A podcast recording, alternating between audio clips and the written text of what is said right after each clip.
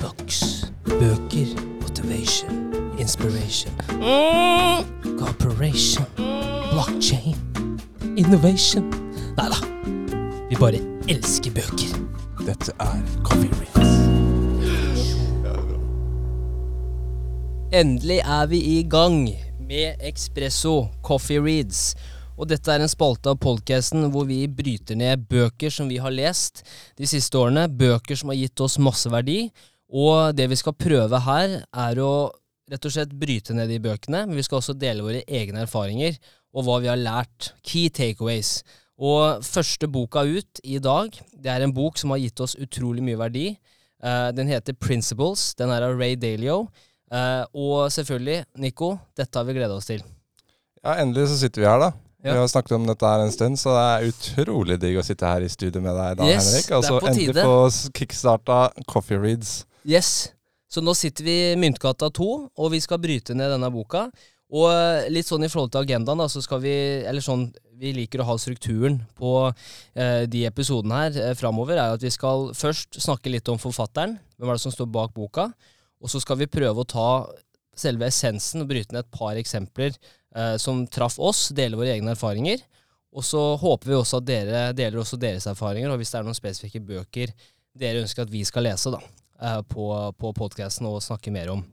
Så først er det jo sikkert mange av dere som veit eh, hvem Ray Dalio er, men også litt i forhold til den boka, for den er jo også blitt sett på eh, Har veldig mange likhetstrekk med det som da blir framstilt som Meditations av Marcus Aurelius, som er rett og slett eh, både eh, en, en håndbok i forhold til hvordan man skal leve livet sitt, men også i forhold til hvordan man kan bygge gode bedrifter og skape en god kultur, og alltid prøve å finne fram til det beste resultatet for selskapet, og også for enkeltindivider. da.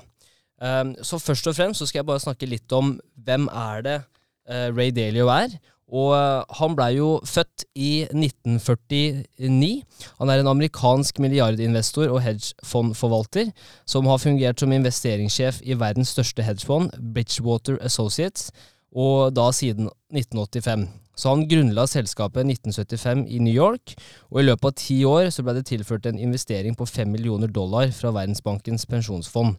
Så han regnes som en av de største innovatørene i finansverden, og etter å ha popularisert mange ofte brukte praksiser, da som risikoparitet, valutaoverlegg, bærbar alfa og alt mulig innenfor finans. Men det som kanskje har vært mest interessant for omverdenen de siste årene, det er mer hans eh, på en måte verdier, leveregler, for hvordan han tar vare på seg selv, tar vare på de rundt seg, eh, og hvordan han alltid prøver å finne et mest mulig objektivt svar og en sannhet i det han gjør. Eh, og derfor er det kjempestas å kunne prate om det. Og vi skal touche om alt i forhold til leveregler i ditt eget liv, altså hvordan få mest mulig ut av hverdagen, hvordan bli den beste versjonen av seg selv, men så også ting som er veldig relevant i forhold til det å bygge selskaper, bygge kultur, bygge struktur, og sørge for at du kan bygge en modell som skaleres. Ikke sant? Stemmer. Det som er kult med Ray, er jo det at han eh, har vært så supersuksessfull. Eh, men samtidig, i boken hans snakker jo han om veldig enkle og veldig sånn straight forward eh, råd, da. Som vi kan ta i bruk i vårt egne liv. Som vi skal dyppe litt uh, dypere inn på nå. Mm. Uh, så det blir veldig gøy. Det blir veldig gøy, og det jeg tror Og det er det jeg liker med det her òg, er veldig sånn Bare for å hoppe inn i det, altså noen av de tingene som, um, som virkelig tiltrekker meg med, med suksessrike folk, da, hvis du vil kalle det det. Og suksess kan være, som vi har snakka om før, det kan være ikke sant, materialistiske ting og alt mulig sånn, men jeg føler også suksess er også en evne til å kunne klare å sette ord på ting som har vært vanskelig gjennom en karriere, gjennom et liv, og snakke om de tingene som også er utfordrende for folk flest. Mm. Eh, og måten hvordan han legger fram det her på, er på en måte som gjør at det Jeg tror da eh, på en måte veldig mange kan kjenne seg igjen i eh, de samme type utfordringene, de samme type levereglene, men som da selvfølgelig er vanskelig i praksis når man ikke trener på det og ikke jobber med det da, eh, i hverdagen. Så nei, dette er, dette er kjempebra. Kan anbefale den boka på det sterkeste. Det er også mange videoer på YouTube hvor han også snakker om rett og slett disse levereg- levereglene, før vi går inn i det. Ja, Men- du, må, du må absolutt eh, sjekke ut den TV-serien, den videoserien Ja. som er på YouTube. Yes. Hvis ikke du har sett den. Den For den er jo en fin sånn sammendrag av boka. Ja. Et, varer 30 minutter, og går egentlig gjennom det basice, da. Ja. Eh, men utrolig fint, og veldig fine illustrasjoner også. Yes. Eh, så veldig enkel å forstå. Mm. Jeg hørte på den to ganger eh, igjen eh, på vei til, eh, vei til jobb i dag. Mm. Hadde på, eh, ha- holdt jeg på å si 200% på hastigheten, og det var eh, kjempebra. Og hver gang du hører på den, så lærer du noe nytt, da. Ja, Det sier jo litt, da, hvis du kan ja. ha på dobbel hastighet og så, så, så fortsatt få med deg Yes. alt sammen. Da er det enkelt nok. Jeg vet ikke om det Da er det ikke veldig komplisert. Jeg vet ikke om det er fordi at jeg er utrolig smart, eller om det er rett og slett Ja, det kan diskuteres. Det kan Ja, diskuteres. men det tar vi ikke her. Det tar vi ikke her, det har Nei, vi ikke tid Det til. tar vi senere. Men vi kan begynne med det første. Eh, så han, som sagt, da, så bryter han jo boka inn i på en måte to, to deler. Da. Så du har eh, på en måte leveregler, altså i forhold til livet generelt. Og så har du også arbeidsregler, da. Så men mye av det her går inn i hverandre. Men eh, det første, som kanskje er vanskeligere og vanskeligere enn noen gang tidligere, med tanke på at du blir bombardert med informasjon eh, overalt hele tida. Eh, fra du er en tidlig alder så, så ser du selvfølgelig opp eh, Ser du etter mennesker som du kan eh, lære av, se opp til. Eh, og dette går gjennom hele oppveksten videre ut i arbeidslivet og voksenlivet. Og det jeg merker da med det her, og det han snakker om her, er at Da tar jeg det på engelsk, da, men you, you need to think for yourself about what is true. Mm. Så du må tenke sjæl over hva som er viktig for deg, og hva som er sannheten for deg. Og hva er det som hva, Hvordan er det du ønsker å leve ditt liv? Mm.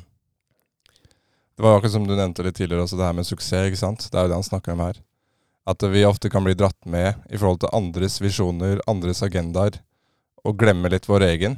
Og her snakker jo Ray om akkurat dette her, om at eh, vi må ta ansvar for eget liv. Vi må stoppe opp og tenke og reflektere på hva vi vil, og hva er faktisk suksess for deg.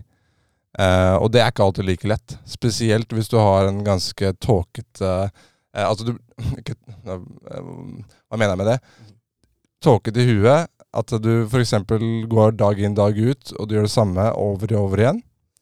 Eh, da er det vanskelig å få klarhet på hvem du er, og hva du vil gjøre. Så det, Vi snakket litt om det før vi kom på her. Det må, kanskje Noen ganger må man trekke seg litt tilbake. Ta en uke av, to uker av hvor man bare får tid til å roe ned, reflektere.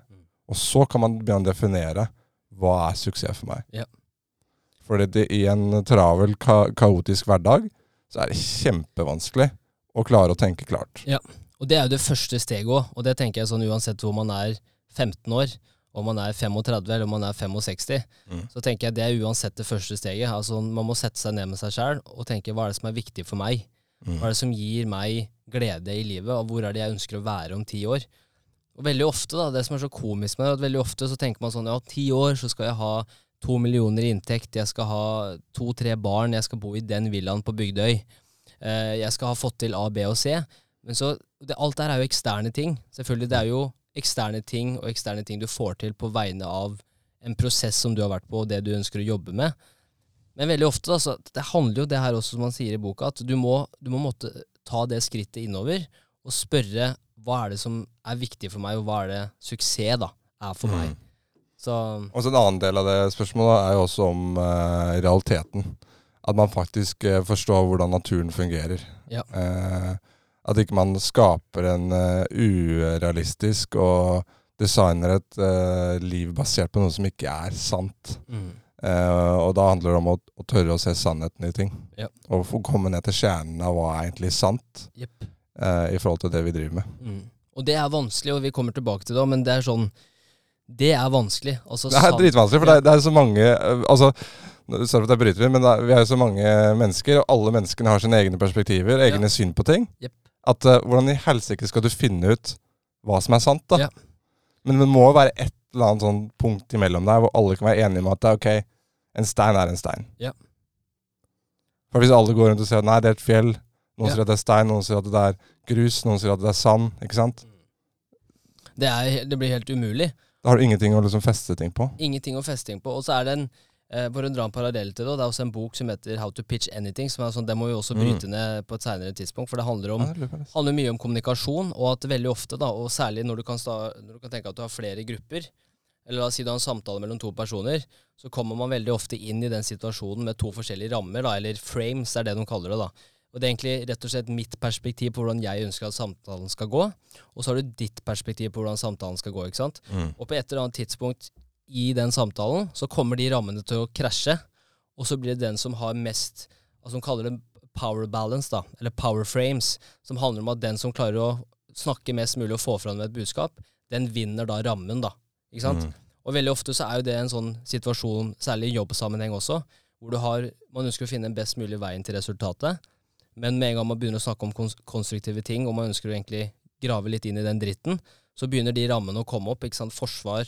At man ønsker ikke å, å, å snakke om negative sider eller svakheter med seg selv, for man er redd for hvordan man ser ut. Mm. Men det som skjer her, og som også handler om å finne sannheten, at da du finner ikke en best mulig løsning på oppgaven som skal løses, hvis du hele tida skal ha en power frame, eller hele tida skal være, vise at du er så bra. handler det da om eh, Altså, Da handler det mye om ego, gjør det ikke det? Mye om personlig, ja, og det, altså ja, og det er sånn Jeg kan ikke snakke for mye om det, for vi kommer tilbake til det, men ego her er helt optimalt i alt, da. Ja.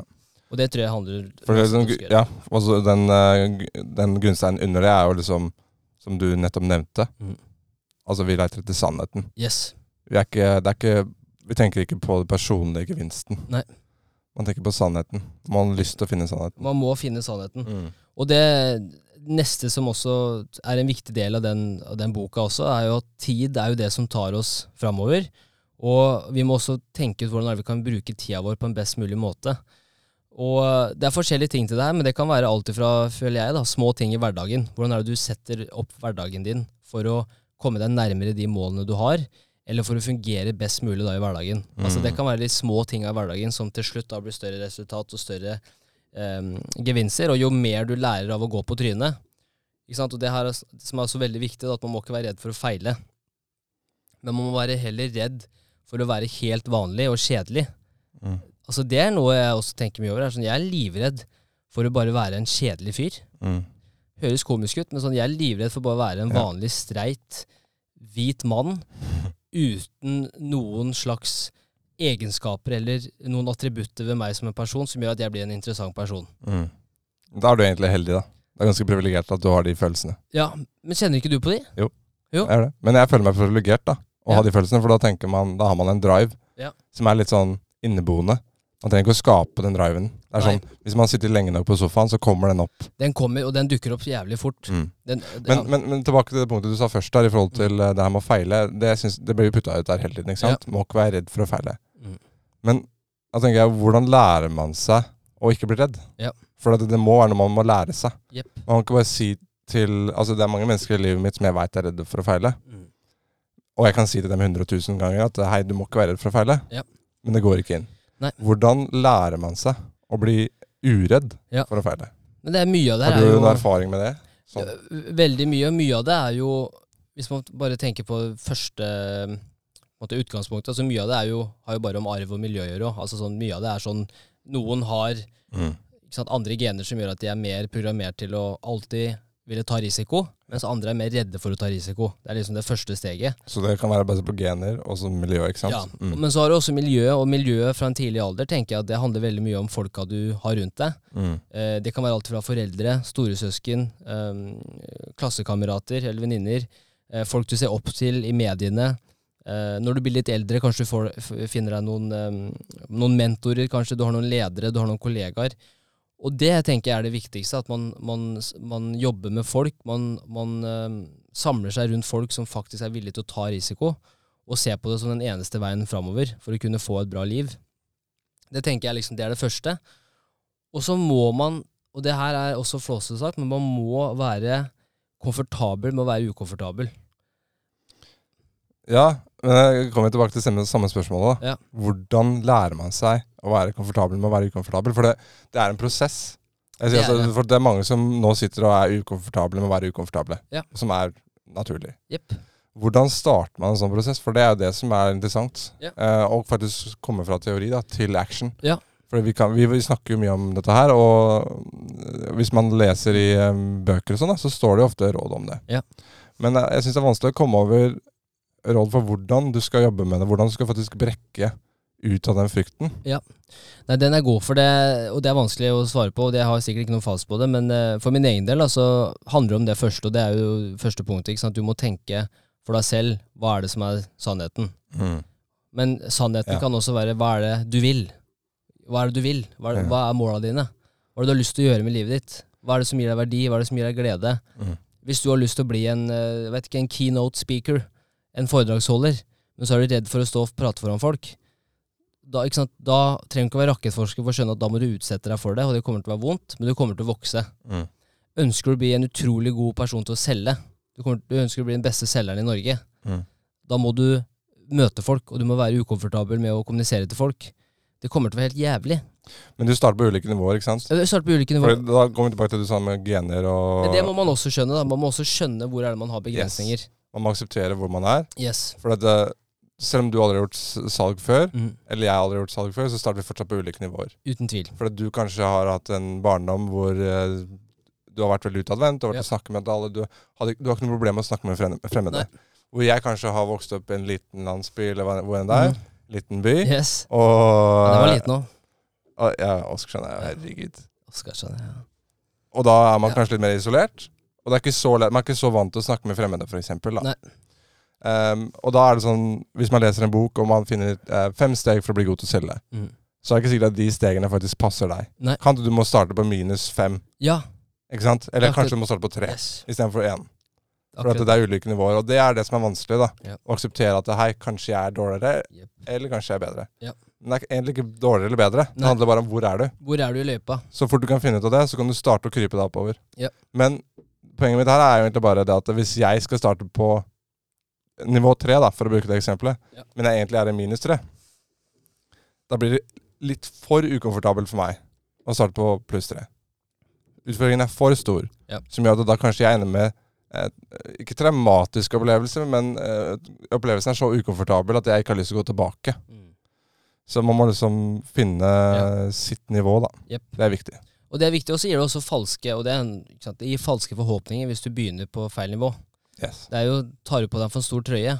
Det er som du sa også, ikke sant? Klatrer du en, klatrer du en for stor fjelltopp, og du er ikke bra nok trent, så gikk akkurat det mer motivasjon. Og det er samme med flow, ikke sant, på han der Mikael Karasjmaki, eller hva han heter for noe. Yeah. Eh, Rest in peace. Mihali Csikszentmihalyi. Sjekk Mahani. Ja. Jeg sa på Seven. Eh, han sier også det at du må ta på deg ting som sakte, men sikkert gjør at du får mer og mer selvtillit, sånn mestring. Mestringa blir større. Den flowbook- Den flowboka må vi ta opp her, faktisk. Ja, flow er ganske viktig her, men en, en, altså en annen ting av flow, eller det er jo det samme, men eh, en annen ting av det å finne noe som eh, gir deg mestring, det er også å ta et steg tilbake da og også reflektere men hvor er det jeg egentlig starter fra. Mm. Og her kommer inn med det som vi kommer til senere, hyperrealisme. Mm. Man må ta et ærlig blikk med seg selv. Hvor er det man er i dag? Eh, og noen begynner lenger ned i løypa, men sånn er livet. Det gjelder alle mulige ting. Noen har mer naturlige egenskaper innenfor visse områder. Men fader, liksom sånn er livet, da. Og det ser man jo på veldig ofte, og tenker at det her er et, noe som de har jobba med i mange, mange år. Noen bare har noen visse egenskaper som gjør det lettere for de, men du må fortsatt jobbe. Mm. Og til syvende og sist altså, handler det om, som han også snakker om, at du må ville, være villig Du må være sulten. Du må være realistisk, så du veit hvor du starter fra. Og så må du, du må ha store ambisjoner. Du må, du må tenke over hvor er det du har lyst til å, å dra, for dette uten retning så er det bare en båt midt ute på Middelhavet. Mm. Faen skal den båten da? Ja. Det er bølger hit og dit. Ja. Du finner ikke noen destinasjon. Det er noe med det, altså mål og planer. Yep. Det blir undervurdert fortsatt, altså. Undervurdert. Selv om alle veit om det. Alle veit Ja. det. Alle veit så godt at du må ha mål mm. hvis du har lyst til å få til noe, da. Ja. Og Men planer, er- altså hvor mange er det Altså de er- som hører på nå, da. Hvis du er en av de som setter planer, mm. jævlig bra. Ja. Det er all kred til deg. Eh, men også er spørsmålet hvor mange av dere er det som ikke setter planer? Ja. For at det, er bare liksom, det er ikke prioritert, da. Du har kanskje ikke bevisst på det. Nei. Um, eller du har bare tenkt at nei, det er kanskje ikke så viktig. Det er jo ikke bare bare, det er ikke lett, liksom, men det er, samtidig så er det sånn hvis man har lyst til å få til noe, Mm. uansett hva det er, så må man lage en plan. Det er, det er et selskap Ja. som lager en strategi, gjør de jo fordi at de vil ha en retning. De vil vite hvor de skal, og så Mm. bryter de ned strategien til konkrete mål og milepæler som de skal nå på veien, og da ned til konkrete aktiviteter som gjør Mm. at de skal nå de milepælene. Men mennesker, enkeltindivider, setter seg aldri ned De setter seg aldri ned på en torsdagskveld med en bok, kanskje en godt glass vin, godt glass whisky, kanskje en liten Pepsi Max hvis du ikke drikker, og setter seg ned og skriver 'Henrik, strategi 2022'. Mm. Det er i hvert fall ikke vanlig. Hvem er det som gjør det? Det er, det er nok noen. Ja, men det er ikke vanlig. Det er ikke vanlig. Det er nok, Nei. Du snakker vel om eh, topp 3 Jepp. eller noe sånt? Og igjen så er det bare viktig å påpeke her at hvis målet ditt er å bli eller starte litt, eh, på en måte starte litt jordbruk på Mm. grensa til Norge, og du vil helst være for deg sjøl langt inn i skauen, det er et mål. Det er suksess, hvis det er det du har lyst til å gjøre. Hvis du har lyst til å, å, å tjene millioner på millioner, du har lyst til å bli masse seriegründer, og sånn, så det er også et mål i seg selv. Det er ikke noe feil, det er ikke noe riktig, men hvis man har mål, da, så må man faktisk sette seg ned og skrive de. Mm. Og sånn at man blir bevisst på hvilken retning man er på vei. For man, alle, er på en, alle er på en reise. Mm, jeg er helt enig. Yes. Og det er en, bare, sånn, bare for å ta et backstep igjen i forhold til eh, eh, hva vi snakket om før. Bare sånn for å naile den, på en måte. eh, før man setter seg noen mål. Kanskje man sitter og er frustrert på at hei, jeg veit ikke helt hva jeg vil. Mm. Eh, da tenker jeg det er viktig at man gjør to ting. At man eksperimenterer med ulike ting. Mhm. Og at man tar et steg tilbake. Og la huet roe seg ned. Reflektere igjen. Ta den tida du trenger. Ikke prøv å pushe det for mye heller. For når du først finner det, og du først finner at hei, den retningen her har jeg lyst til å gå ned, da kommer målene litt naturlig. Ja. For da har du lyst til å få til ting. Du har lyst til å pushe det framover. Du har lyst til å ta det steget framover. Og da er det mye gøyere for deg å sette deg ned med mål. Uten tvil. Noen ganger så må man faktisk ta et steg tilbake istedenfor å begynne å pushe ting framover. Ja. Og det er noe som kanskje ikke alltid blir sagt i bøker og Nei. podkaster så ofte, da. Men Det er jo, som du også nevnte før vi gikk på her òg, det er jo når du har vært hjemme i Norge nå, så har jo du også kjent på noe som man ikke kjenner på i hverdagen, ikke sant, når Mm. du er i Australia. Og, og det at man får, man får et lite avbrekk, og så får man tatt et steg tilbake og sett ting utenfra. Satt, satt ting i perspektiv. Ja. Men hvordan har det vært for deg nå, når du, som du nevnte før vi gikk på her, at du har kommet Mm. hjem til Norge, og da, når du plutselig har fått litt perspektiv på ting, og, og, og sett litt hvordan ting er, da? Ja, altså det har vært en eh, ny opplevelse. Jeg har aldri vært borte fra familien eh, mer enn uh, kanskje tre måneder. Ja, nå har det vært tre og et halvt år pga. pandemien, uh, hvor ikke jeg har sett familie og ikke venner i Norge. Um, og det har, jeg skal ikke si at det har vært tøft, for det har ikke vært sånn skikkelig tøft. Men når jeg landa i Norge, og jeg så familien, Mm. da bare oste det med energi og glede. Og, eh, altså, jeg får grøsninger bare av å snakke om det nå. Mm. Det grøsser hele kroppen. Yeah. Um, og så var vi jo Farmor døde dessverre for en måned siden. Og komme hjem og kunne være med familien rundt den tida og rekke begravelsen. Og det vekker mye følelser. Mm. Um, og de følelsene drar jeg mye nytte av nå, Mm. selv om det er flere flere uker siden. Ja. Så um, perspektivet har endra seg veldig. Både på å sette pris på norsk natur, Ja, Det er herlig. venner, Mm. familie. Ja. Og de tingene fyller opp så mye ny energi og motivasjon til å drive med egne karrierer og egne mål Mm. og ambisjoner som ikke jeg hadde trodd. Jeg trodde ikke jeg trengte det når jeg satt i Australia. Jeg tenkte nei, nei, jeg må bare fortsette med det jeg driver med. Men nå sitter jeg med noe helt annet. Ja. Og det er jeg sykt takknemlig for. Mm. Det der er grunnen til at jeg ville spørre om det, for at um, i forhold til den boka med leveregler, ikke sant, verdier uh, som man ønsker å leve etter, eh, så må man på en måte Kontraster er noe som også gir livet utrolig mye mening. Det er sånn når han snakker om sant, at du må bare du må bare suge til deg eh, virkeligheten. Bare den brutale virkeligheten om hvor man er. Det gjør at opplevelser blir mye mer ekte òg. Mm. Og det å faktisk være til stede her og nå, og faktisk tenke over hvilken situasjon er det er, det jeg er i, da. Så når man har vært i Australia i tre og et halvt år og ikke sett familien, ikke sant, så er det så fort gjort at For mennesker også er veldig sånn tilpasningsdyktig. Når man fort først kommer i et annet eh, på en måte miljø, da, så tar det ikke lang tid før vi klarer å tilpasse, tilpasse oss det. Mm. Men det som er synd, da, at da, da blir alle de viktige tingene man har kanskje lært tidligere, det blir sakte, men sikkert viska ut hvis man ikke jobber med det. da. Mm. Og det er derfor liksom det å komme hjem, og når man møter familien og møter venner som man ikke har sett på lenge, hvor man også da skjønner, for det er jo en kontrast sant? i forhold til det Mm. livet du har levd i Australia. Veldig. Og så kommer man hjem, og så får man et helt nytt perspektiv på ting. da. Og det er så viktig.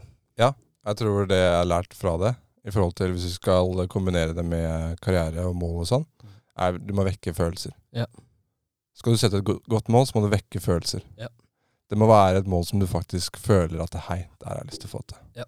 Og hvis ikke du får den, da må du bare vente. Yep. Du må gjøre andre ting. Du må reflektere, meditere, bruke tid. Mm. Finne helt til du finner det målet som vekker noen følelser. Kanskje du må eksperimentere litt, kanskje du må prøve og feile litt, Mm. men du må vekke følelser. Ja. Hvis ikke du har den, da er det bare å si ha det bra. Si Etter et par bra. måneder. Bare å si ha det. Så da har vi dekket det første, i hvert fall, der, da, med Ja. målet, føler jeg. Uten tvil. Vi har jo dekka flere ting her nå, men, det jo, men, det, men den ene her er jo altså, sånn som For å oppsummere den, da. Drømmer pluss virkelighet pluss ambisjon. Og at du føler på at det her er noe jeg virkelig vil. Og, liksom, og, og veldig ofte så har jo han ikke fått kritikk, han Ray Dalio, men han veldig, ofte, mange, veldig ofte så sier folkene at ja, men du er en hyperrealist. Altså du tror ikke på drømmer, da. Du tror ikke på å tenke svært. Så bare jo, jo, for faen. Altså det gjør jeg. Men det å nå drømmene sine blir mye lettere hvis du veit hvor du starter fra. Mm. Det er samme som hvis noen sier vi skal bygge det neste Amazon, og så gjør vi de tingene Amazon gjør i dag, ikke de tingene Amazon gjorde når de begynte. Mm. For da begynte de på et helt annet sted enn der de er i dag. Så da får du helt, et helt feil, eh, feil blikk da, på hva som kreves for å faktisk bare å komme seg til nivå igjen. Ja. Um, For det, det Amazon gjorde for eh, ti år siden, det er jo ikke realiteten i dag. Nei, Så hvis du skal begynne på samme måten som de gjorde da, eller du skal gjøre det sånn som de gjør nå, så er du allerede bak. da. det er akkurat Det det. er derfor du må stole på deg selv. ikke sant? Yes. Og så tar jo ting tid, og det er jo en annen eh, som man også snakker om her, ikke sant? embrace reality. Mm. Ikke sant? Og at viktigheten av å altså, Sannheten er den eneste veien for å komme seg framover. Uh, det er at det, ting tar tid. Mm. Ja, mange har flaks på vei. Noen treffer, eh, skyter gullfuglen, og så plutselig er man eh, overnight success. Ikke sant?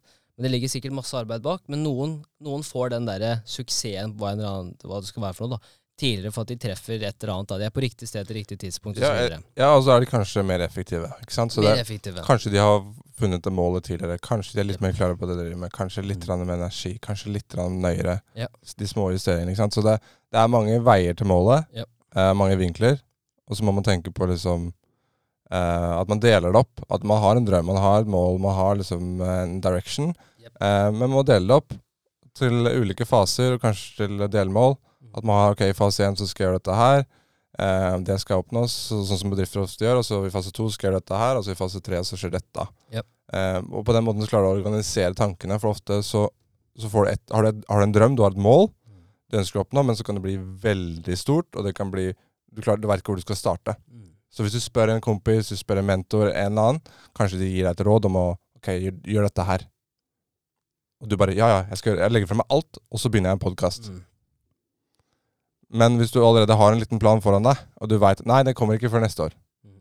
Nå er jeg dette her. Ja. Da blir ting litt lettere, og da kan ting skje litt mer step by step. Og da kan det gå ganske fort. Ja. Men hvis man må bruke mye tid på å liksom finne ut av riktig retning og hvordan man skal organisere ting, så kan det ta veldig lang tid. Veldig lang tid. Og da må man være tålmodig. Og det er jo greit, det.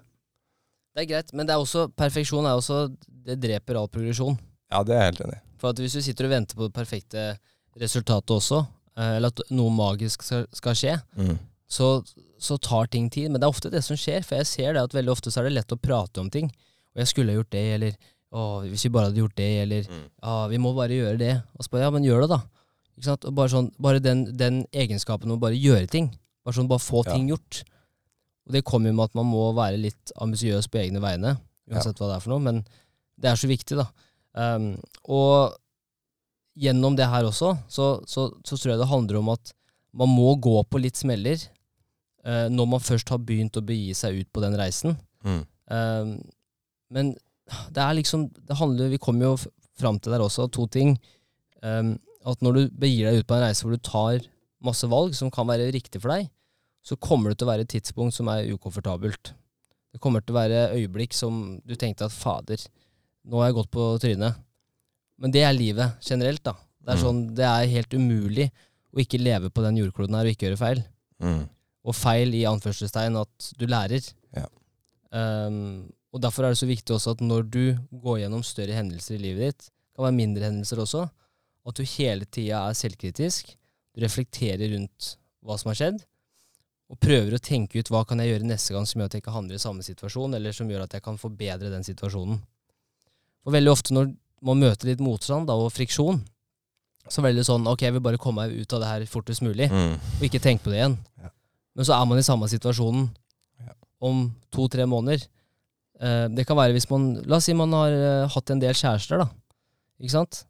Mm. Og hvis man ser tilbake på historikken med kjærester, så virker det som at man alltid havner i samme situasjonen. Ja. At man velger en viss type kjæreste, en viss, en viss type profil. Ikke sant? Mm. Veldig ofte da så kan det hende at du går fra et forhold til et annet uten å faktisk tenke over hva er det som egentlig er viktig for meg. Ja, så gjør du samme feilen. Så gjør du samme feilen igjen. Mm. Det kan være en arbeidsgiver. Du går til en ny arbeidsgiver med tanke på at du blir, uh, du blir frista av de materialistiske tingene, som lønn, velferdsgoder, og så ser du helt bort ifra men for meg så er det faktisk viktig å jobbe i et miljø hvor vi hjelper hverandre. Mm. Det er mye coaching som er mye viktigere enn lønna i seg sjøl, hvis jeg bare må sitte isolert på kontor. Det er, liksom, det er de tinga her da, som, som er så viktige da, at man må reflektere rundt. Ja, nå toucher du jo på nummer to og tre her i uh, race-syklus, Mhm. eh, som vi må forklare kanskje litt. Yes. Den eh, nummer én er jo målsetting, yep. som vi har snakket om. Mhm. Du må ha målsetting. Og så nummer to som du toucha på, på nå, er liksom problemene eller utfordringene du møter på veien yep. til målet. Mhm. Og det som du snakket om der. Eh, og en ting som han eh, nevner her som er ganske fint å få med seg, det er jo det her med å, lære å like feilene. Eh, og da syns jeg en ting som, en ting som ble litt sånn stuck med meg når jeg leste boka, var at han snakker om ydmykhet. Hvis man kan få superhøy ydmykhet på det man gjør, så er man ikke så redd for å feile. Nei. Da kobler man vekk det egoet litt. Bare. Utrolig ydmyk på liksom Ja, jeg veit ikke alt. Men tenk hvor deilig. Ja, det er akkurat du gir litt slipp Ja. på å liksom prøve å vise deg hvor god, du, vise hvor god du er. Du prøver, gir slipp på liksom å være bedre enn det du er. Du trenger ikke å liksom Du trenger ikke å være så god. Nei. Du trenger bare å lære. Ja. Og det er helt annen mindset. Mm. Og det syns jeg var ganske fint på den steg to. da. Hvordan man faktisk eh, dealer med utfordringer. Og så toucha du på da så vidt på uh, step tre, Mm. som det er å diagnosere Mm. eh, problemet. Og komme til bunns på hva som faktisk er problemet. Som vi snakket om litt før podkasten her, det er med symptomer og sykdom. Mm. For at vi kan ofte deale med symptomene uten å ta sykdommen. Ja. Ikke sant? Og uh, da kan du liksom medisineres for uh, herifra til himmelen, ikke sant? Ja. Og du kan deale med sideeffekten av den Mm. medisinen, altså neste medisin, altså neste medisin, så sitter du plutselig med en bunke med 20. Ja. Men da dauer du av medisinen til slutt. Ja. Du dauer ikke av sykdommen. Nei. Da er det jo ikke noe poeng. Så vi må komme til bunns på liksom, ok, hva er, hva er grunnen til at jeg sitter på den sykdommen her. Ja. nei, det er fordi jeg har jævlig høyt blodtrykk, og helsa mi er helt på bånn. For at jeg spiser Ikke sant? Og Ikke jeg sant. trener ingenting. Ja. Så det er sånn Det er viktig å komme til bunns på det. Mm. Og så som du nevnte, ikke prøv å komme til løsningen med en gang. Nei. Ikke hoppe over den feilen. Du må stoppe, Mm. og så må du reflektere. Og så finne ok, hva skal jeg lære fra dette forholdet til neste forhold, Mm. sånn at ikke jeg driter meg ut med det nye forholdet. Ja. Ikke sant? Det er så viktig. Mm.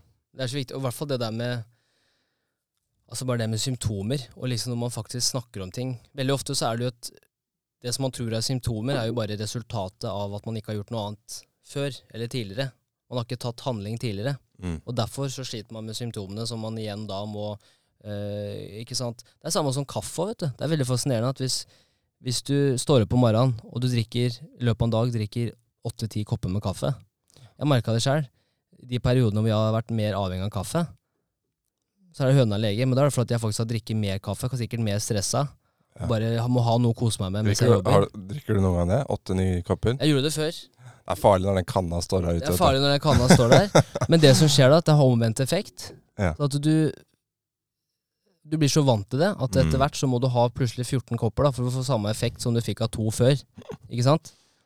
Og det her er jo litt det samme som det med symptomer og sånn, at hvis du hele tida gjør feil på feil på feil på feil, på feil, Mm. og du ikke reflekterer over de, så føler jeg at bare den lista blir bare lengre og lengre. da. Ja.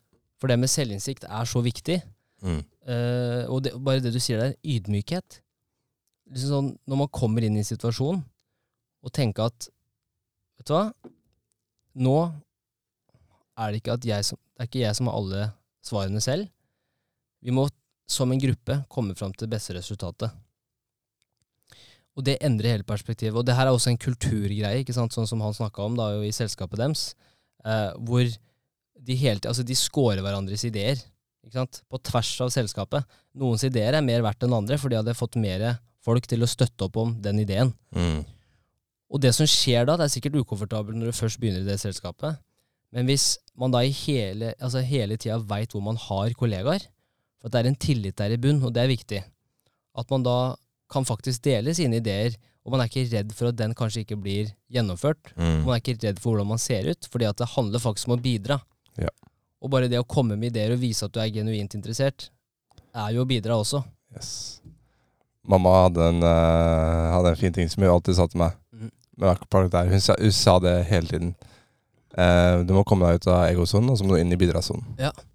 Faen, det er så bra sagt. Mora di er smart. Vet du hva, mamma er smart. Ja.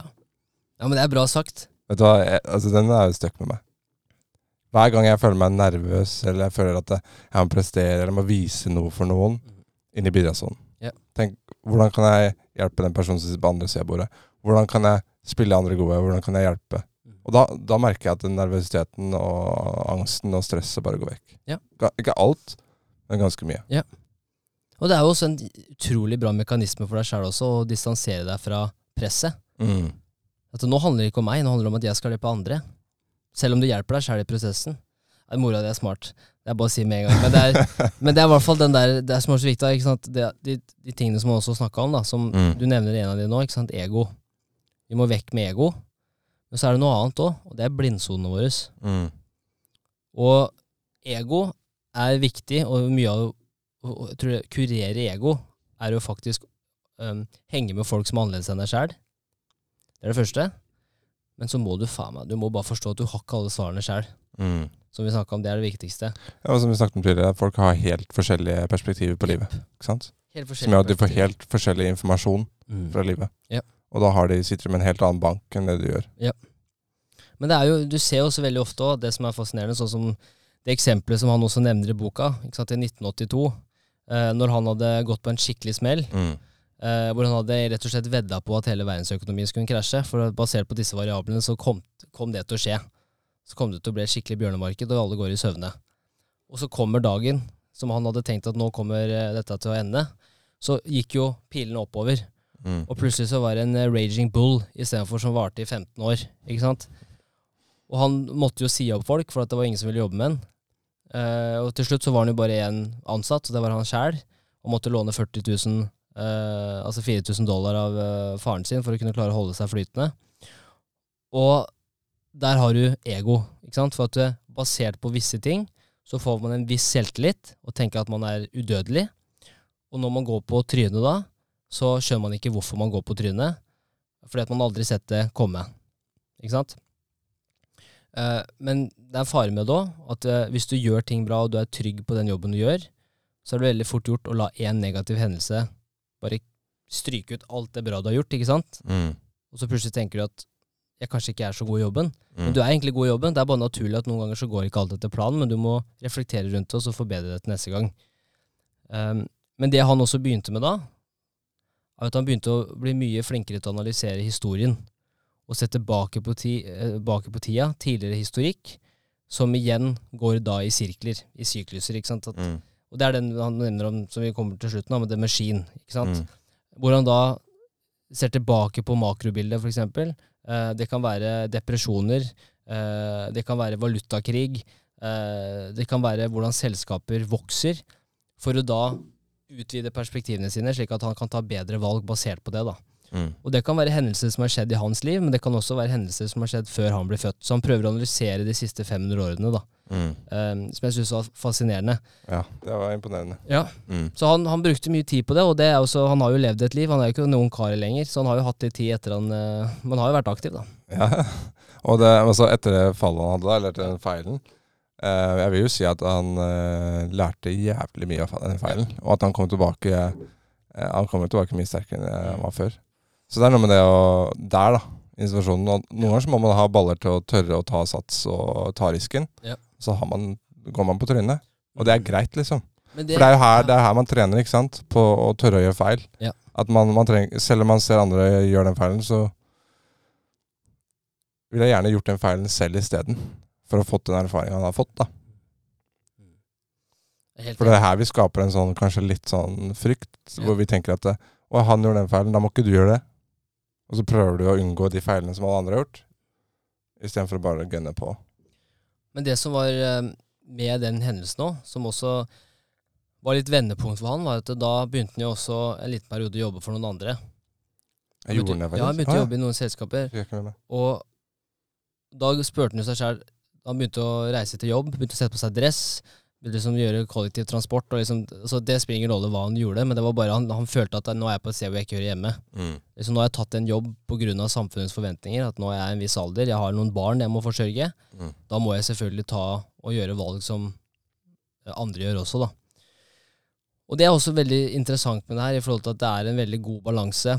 eh, og at det er på en måte Hva skal man si? Altså, det, er en, det er en sammenheng mellom risikoen man tar, og avkastninga man får. Mm. At tar du høyere risiko, så har du også muligheten til å få større avkastning, men det er selvfølgelig mer risiko. Mm. Nedsiden er også større. Ja.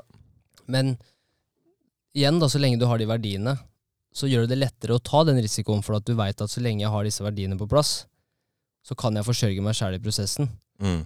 Eh, og er ikke, og det ikke, da snakker jeg ikke om at du skal stå på Grünerløkka og prøve å selge luft mens du har tre unger som sulter hjemme, men du skal absolutt bli en, en, en person som selger luft på Grünerløkka. Det må det er være ikke helt innafor med den realiteten. Nei, det må, sant, da, realiteten må være her. Det må være en viss realitet i det du gjør. Ja. Um, men, men det som er så viktig med det, er liksom at du må være, igjen, bare for å repetere, det, du må være altså du må være ambisiøs, ha drømmer, ambisjoner, men du må også se det i kontekst med hvor du er i dag.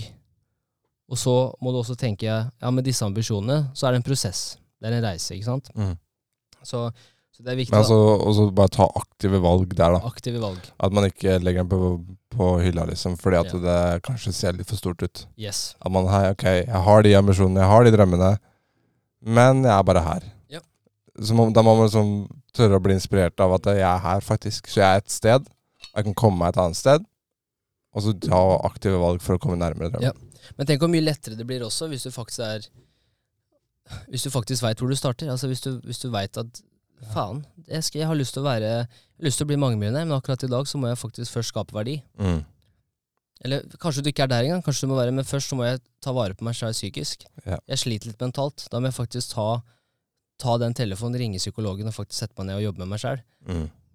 Kanskje du ikke er til og med er der engang. Kanskje det er Altså, kanskje du akkurat kom ut av galehjemmet, jeg veit ikke. Men det er liksom det, Du må liksom se deg sjæl i speilet da, og, og, og tenke liksom Hvor er det jeg er i dag? mm.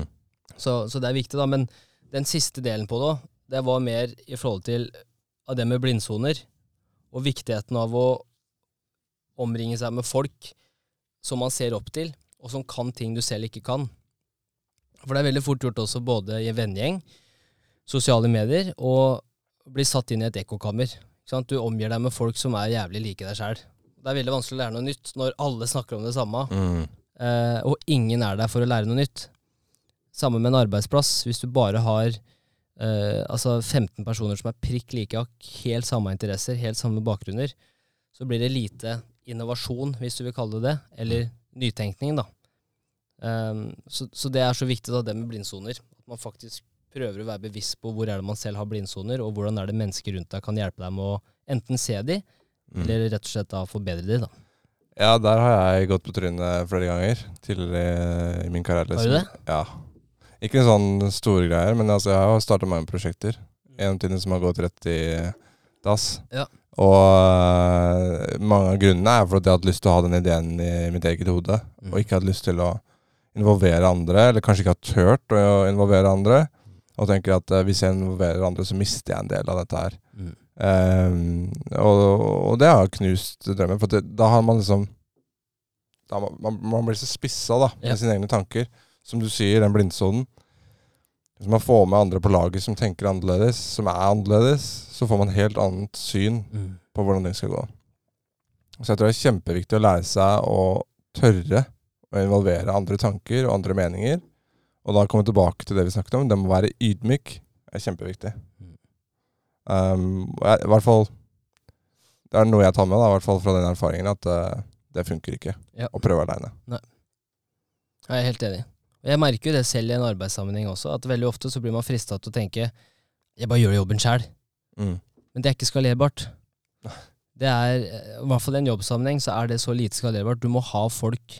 For eksempel kan ta et eksempel sånn i forhold til hverdagen. Altså, så er jeg avhengig av folk som har teknisk forståelse og kompetanse på veldig spesifikke ting, i forhold til at vi kan vise kunden hvordan det faktisk funker i praksis. Mm.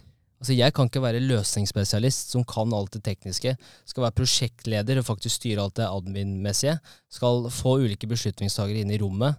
Eh, Jeg skal sende ut kontrakter, tilbud. Det er så mange hatter som man må ta på seg. Mm. Og da er man avhengig av andre som er mye flinkere enn deg sjæl på det området. da. Så Ja. spisskompetansen er flink til å hente inn de riktige folka. Ja, og, det, og den prosessen der har jeg mye respekt for. Um, fordi det er utrolig vanskelig å ansette riktige folk. Ja. Og få riktige partnere er kjempevanskelig. Det er så vanskelig. Du snakker med enhver uh, gründer eller enhver eier som har ans mange ansatte under seg, Ja. Så er det på eh, toppen av en. Helt det er jeg enig. helt uh, sikker på. Helt enig. Og bare sånn gjennom en intervjuprosess også, for å finne sånne folk, så er det igjen disse verdiene er så viktige. Så hvis du spør folk, da, for eksempel hvis du ser for deg at du sitter i et intervju og skal intervjue en person som, skal å, å, som er interessert i å begynne å jobbe med deg. Veldig ofte så kan det være sånn ja, fortell tre, tre ting med deg selv som eh, er negativt. Mm. Sånn typisk. Eller ja, jeg ser i den siste erfaring her i den jobben, så gjorde du det. Hvordan var det? Mm. Ikke sant? Hva med heller spørre de hva er det som får deg opp om morgenen? Ja. Er Vekkerklokka? Nei, det, ja, det er det. Men hva er det som, hva er det som driver deg?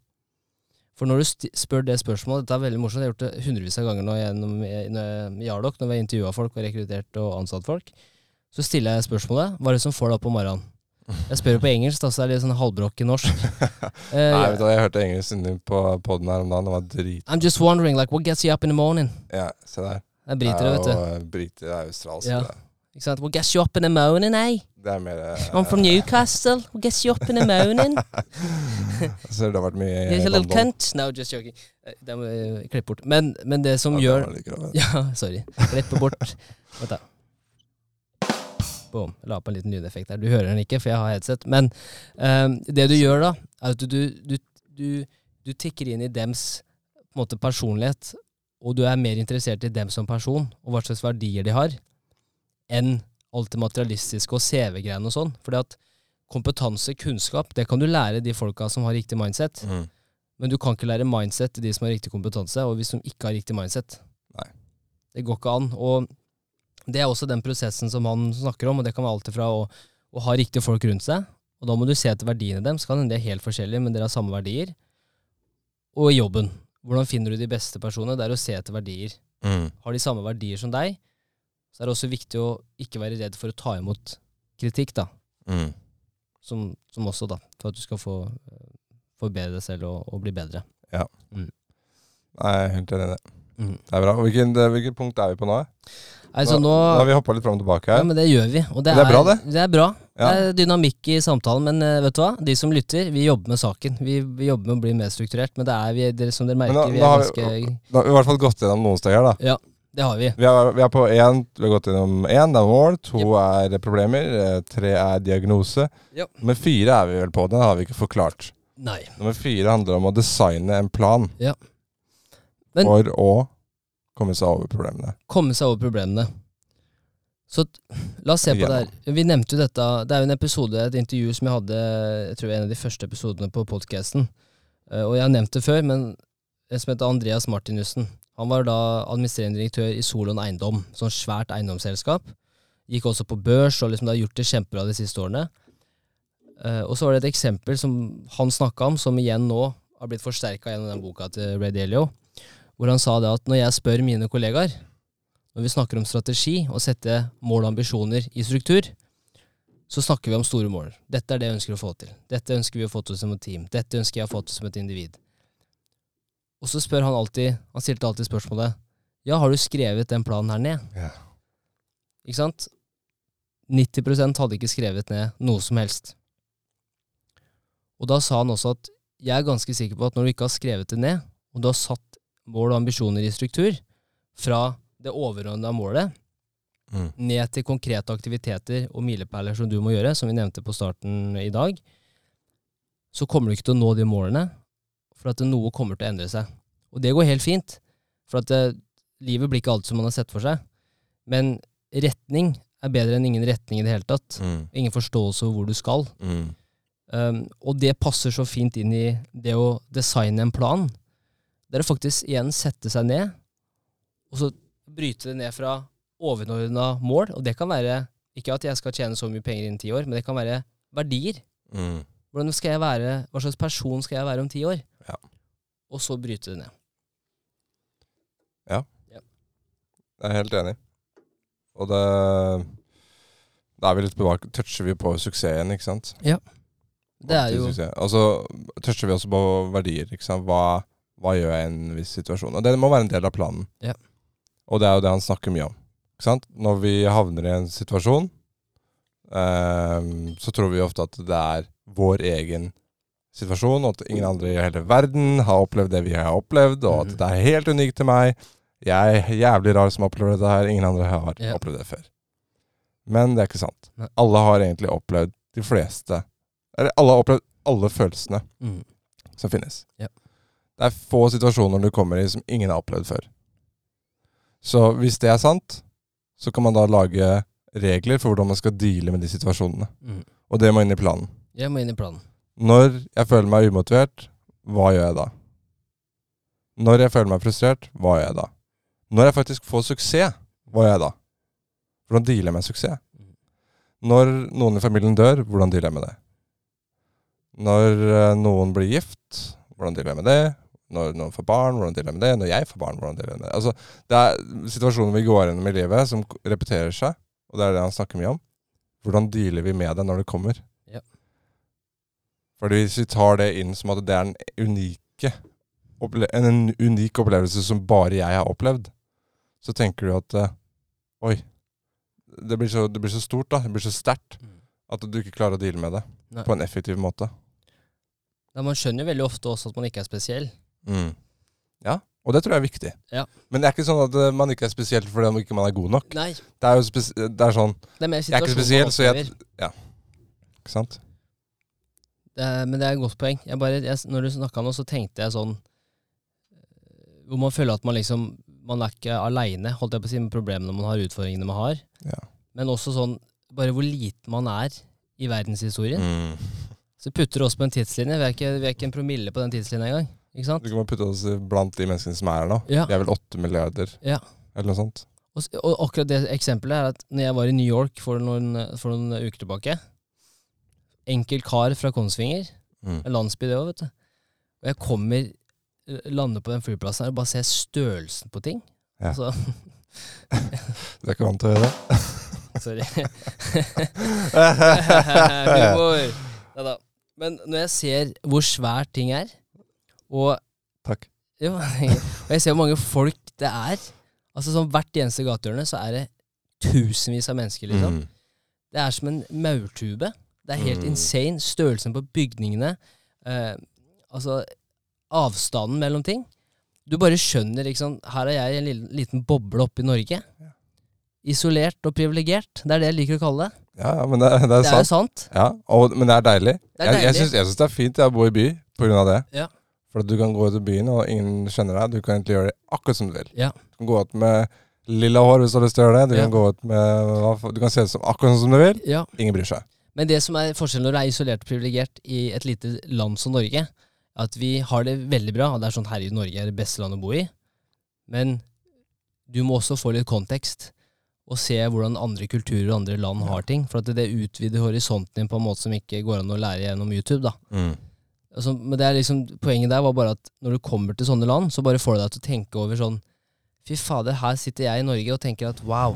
For føler er ganske liten. da. Ja, Og så kommer du dit og så er det bare du er ikke, du er ikke en dritt. Nei. Og det går helt fint. Hvor deilig er ikke den friheten, da? Men det er det. Det er akkurat det. Ja. Og man må bruke det til noe positivt og tenke, vet du hva, hvis jeg gjør det, så er det ikke så farlig. For alt går bort med tida. Både det som er positivt og det som er negativt. Mm. Ingenting varer evig, da. Selv om det er én eller to i området som bryr seg, så er det fortsatt åtte milliarder som ikke Yes. veit om det. Og Og Altså, det er fint. Helt enig, og da må du tenke på Ok, så lenge Så lenge mora mi, faren min, søsknene mine, mannen min, dama mi Så lenge de syns jeg er en bra person, Mm. og de er glad med de valgene jeg tar, at jeg tør å satse litt, da, bjuda litt på, stikke huet fram, så spiller ingen rolle hva Kåre Jonny på 66 på kommentarfeltet til VG sier, hvis du plutselig får en artikkel skrevet om det. Men det er litt sånn Ja, ja, det, det burde jo ikke bety noe. Nei. Nei. Men det er jo fascinerende at det betyr noe, da. Det er jo Altså, Den uh, gåta der har vi ikke funnet ut av i forhold til at uh, det kan være én liten ting som går feil. Ja. Og så blir det alt av fokuset, selv om det har vært tusen ting som har gått bra. Yes. Men eh, for å oppsummere her, da. For at vi, Ja. vi prater jo og, Nei, nå har vi prata bra. Vi har bra Vi nå. skal ikke skylde på at vi har prata lenge nå. Nei, vi har, vi har prata lenge og bra. Dette er bra. Dette var planen. Dette var planen. Ja. Det var det vi skulle. Vi hadde en plan, og vi satte den i struktur. Men altså, siste delen av syklusen er jo Ja. det viktigste. Ja. vi sier det i kor. Tre, to, én. deg på. Kjør deg på, gjennomfør. Gjennomføringskraft, som Stordalen sier. Yes. Nei, mamma! Gjennomføringskraft. Ja.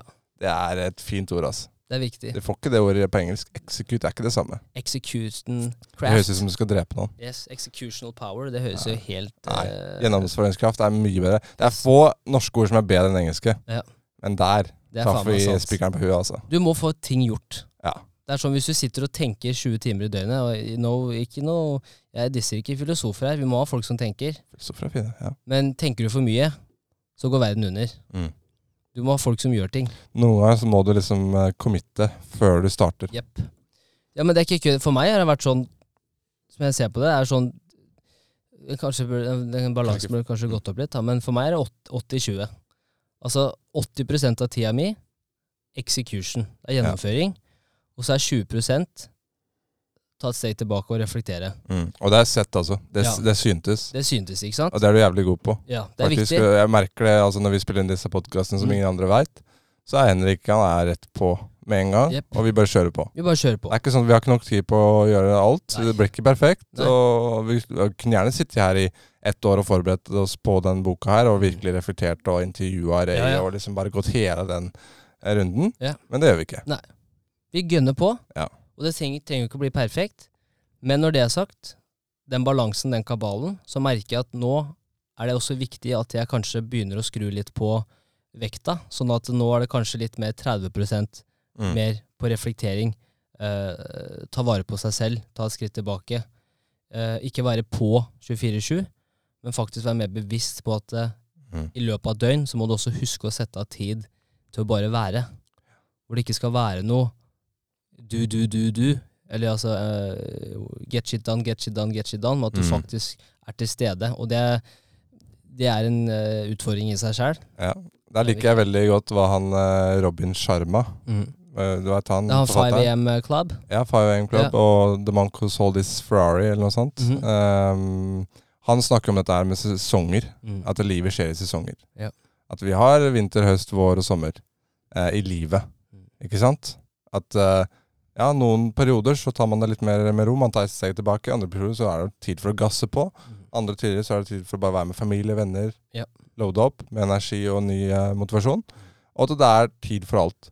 Uten tvil. Man kan ikke alltid Altså, 80-20 funker ikke hele året, ikke sant? Så noen ganger, som du sier, så må du justere. Så blir det 30-70, yep. og så blir det 50-50, Mm. og så blir det Men det er viktig, ikke sant? Det er veldig viktig. Men noen ganger så tror man at ok, skal jeg, skal jeg nå det målet der, så må jeg holde meg kontinuerlig på plass, gjøre akkurat det samme Oh, yeah. hele tiden. Hele tida. Funker ikke sånn.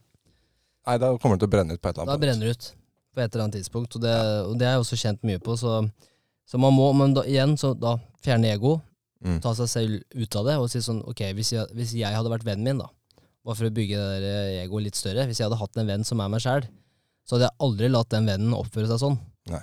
Eller gjøre alle de tinga. Så, så, så gi deg litt self-love. Self-love. Self-care, baby. eh, men ja, så for å oppsummere. Vi må vite hva vi vil. Mm.